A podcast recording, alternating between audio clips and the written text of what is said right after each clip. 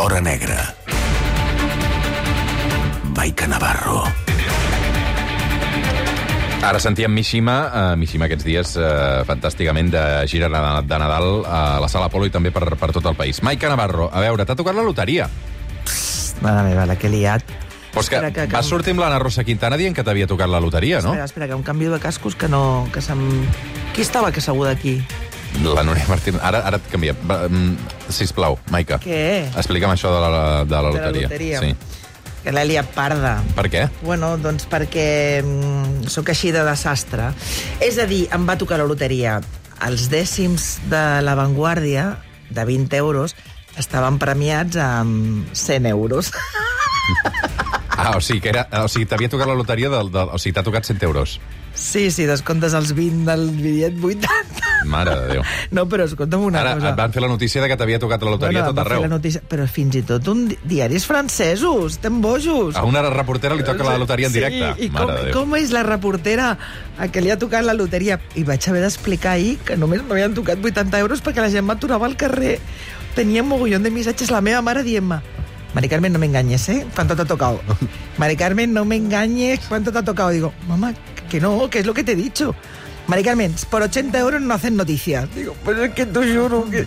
El que passa és que hi ha una frase que és pura fantasia, que és allò quan a la gent li toca i diu i això què faràs? Diu, tapar agujeritos.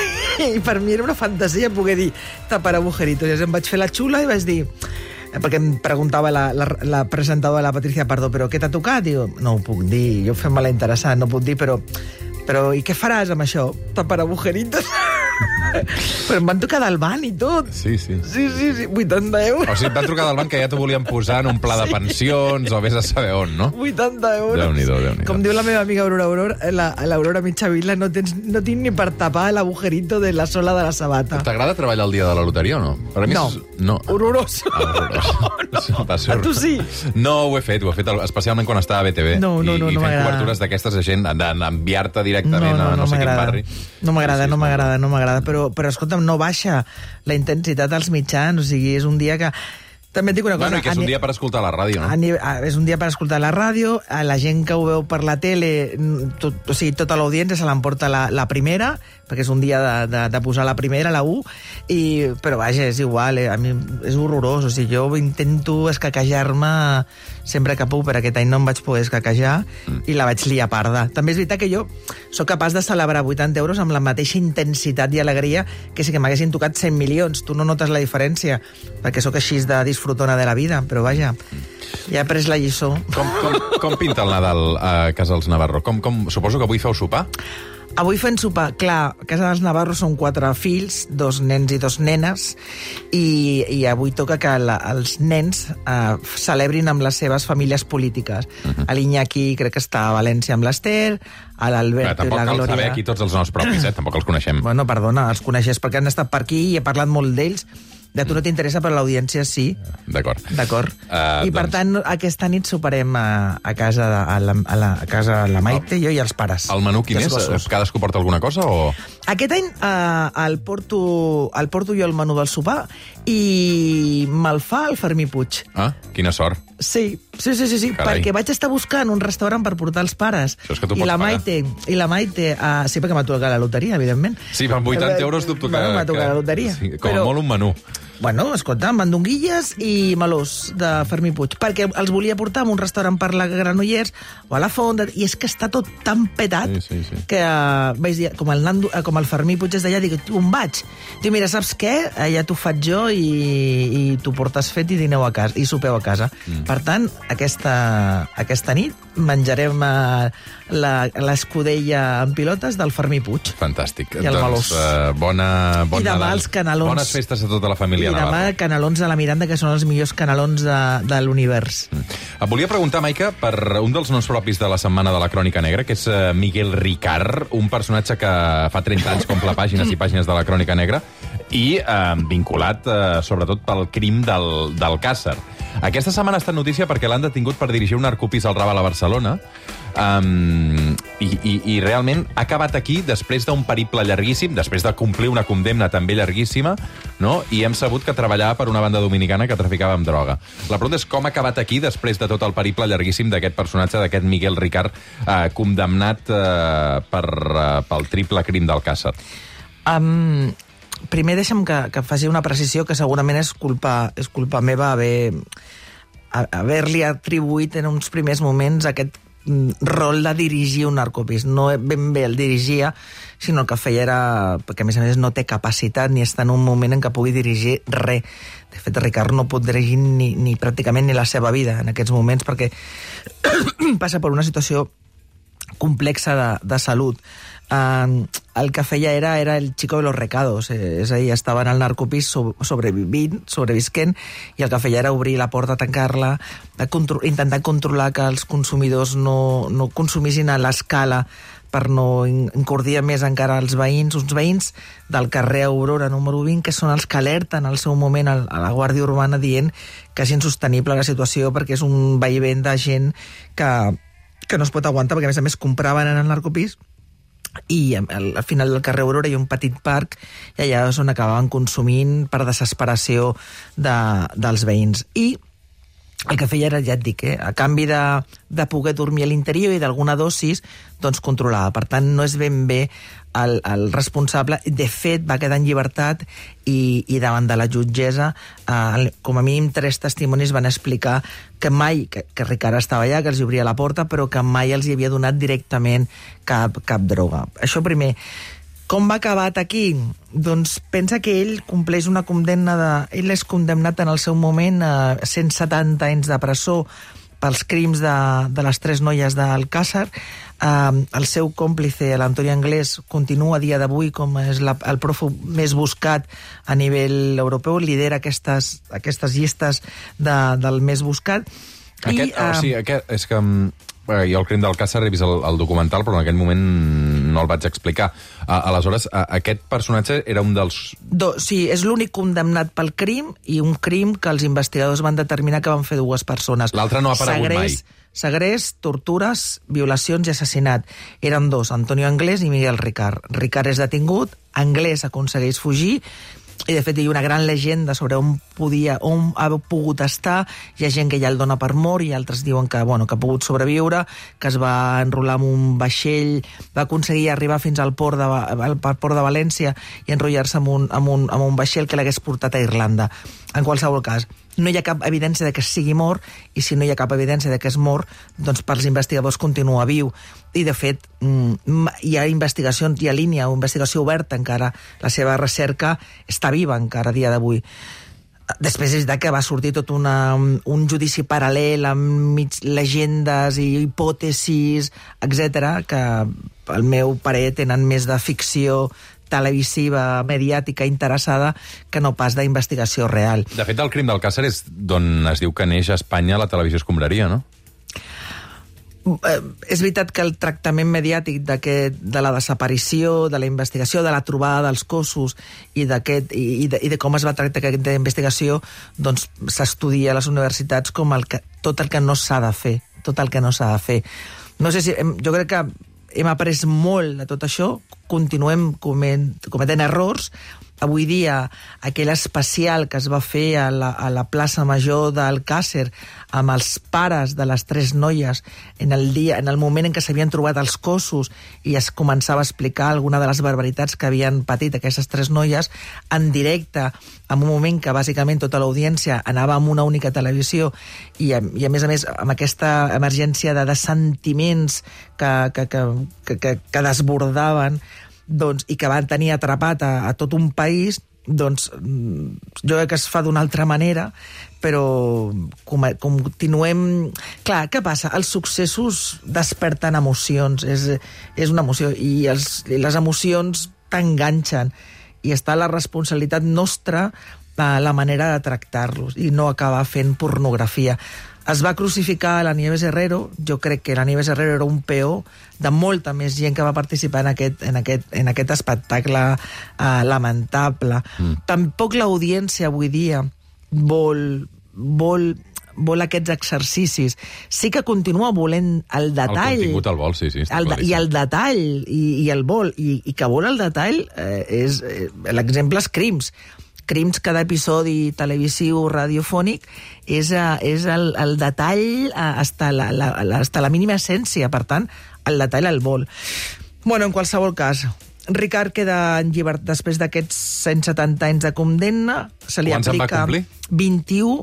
I per... De fet, ell havia d'haver sortit aquest mes, el mes que ve, al gener del 2023. Però per l'aplicació de la doctrina Parot surt en llibertat el 2013. Què ha fet des del 2013 fins ara? Bàsicament, tot aquest període ha estat sota la tutela d'entitats religioses. Uh -huh. I aquí van tenir un paper molt important mm, dos persones. Quan el Ricard surt de la presó, té tot un núvol de periodistes que li van darrere, ell aconsegueix eh, cobrir-se el rostre perquè no ser reconegut, i mm, agafa un autobús, hi ha periodistes que el persegueixen, algun l'entrevista, ell manté la tesis que sempre ha mantingut de que ell no té res a veure amb, amb el crims i que és un cap de turc, i mm, ve a, a Girona, ve a Catalunya i intenta dormir en alguna pensió, no li donen, no li deixen quan saben que és Miguel Ricard. En aquell moment tothom veia Miguel Ricard al seu barri, es van celebrar eh, concentracions, manifestacions, hi havia un risc de que algú es topés amb el Miguel Ricard i hi hagués una desgràcia. I en aquell moment, el major dels Mossos d'Esquadra, que, que ja era responsable del cos, Josep Estrapero, parla amb Sor Lucía Caram i li demana si el, el pot ajudar per retirar a, a Ricard del carrer. Perquè Mossos havia de fer un, bueno, un seguiment d'aquest personatge. I Lucía Caram parla amb unes amigues d'un convent, de, unes amigues seves religioses de França, i la, el, ella el porta a França amb un convent i passa una llarga estada en aquest convent amb un comportament que ella ho explica que és exemplar. Després d'un temps, ell torna, vol tornar a Espanya, passa també sempre sota la tutela de fundacions religioses i de treballadors socials que, amb els que fa una feina eh, i, i això ho diu la, la Sor Lucía totalment impecable hi ha molt bon treball per part de, dels, dels treballadors socials. Deixa les addiccions a la droga, intenta canviar-se cinc cops de nom al Ministeri de l'Interior, li deneguen les cinc vegades perquè ell té ofertes de treball, però no pot treballar amb, amb el nom de Miquel Ricard. No pot. I, de fet, la, la, la, el Sor Lucía in, ajud, intenta gestionar personalment amb responsables del Ministeri de l'Interior aquest canvi de nom per donar-li una oportunitat de, de fer una nova vida, però li deneguen. I això acaba entrant en un, en un, en un cercle de, bueno, de fracàs i l'interior afegit amb la seva negativa a reconèixer que va ser autor, allò que diu la condemna, que va participar en el segrest, les tortures i l'assassinat d'aquestes tres noies. I això acaba derivant en un nou consum. L'any passat se l'identifica amb un narcopís de, de Madrid, de Carabanchel, no és detingut, sinó que és identificat, torna a fer un consum absolutament desproporcionat i associat amb unes malalties psiquiàtriques que en aquests moments eh, protagonitza episodis de deliris i, i autodestrucció i absolutament pèrdua de la noció d'on està. Dormia als carrers, anava amb un menjador social d'una parròquia de Ciutat Vella, que el tutela Mossos el tenia sota la tutela, o sigui, sota control visual, perquè no hi havia cap cosa pendent, però se sabia que era Miguel Ricard, i, i finalment fa dos mesos eh, doncs, aproximadament doncs, uns dominicans obren un narcopís al carrer Aurora i mira, ell era consumidor i al final a canvi d'això de dosis i de dormir acaba, acaba en aquest pis hi ha una investigació de, que arranca la Guàrdia Urbana, el grup de la unitat d'investigació i, la, i el GDU, que és el grup de delinqüència urbana, que comencen a fer les vigilàncies amb Mossos d'Esquadra, amb l'unitat region, amb la divisió, l'unitat regional contra la salut pública de Mossos, comencen a fer a les inspeccions, vigilàncies d'aquest pis, a identificar consumidors i gent d'aquest pis, i ja en una de les identificacions veuen s'identifica Miguel Ricard i, i en un primer moment no, però un urbà diu, ostres, és el Miguel Ricard del Càcer.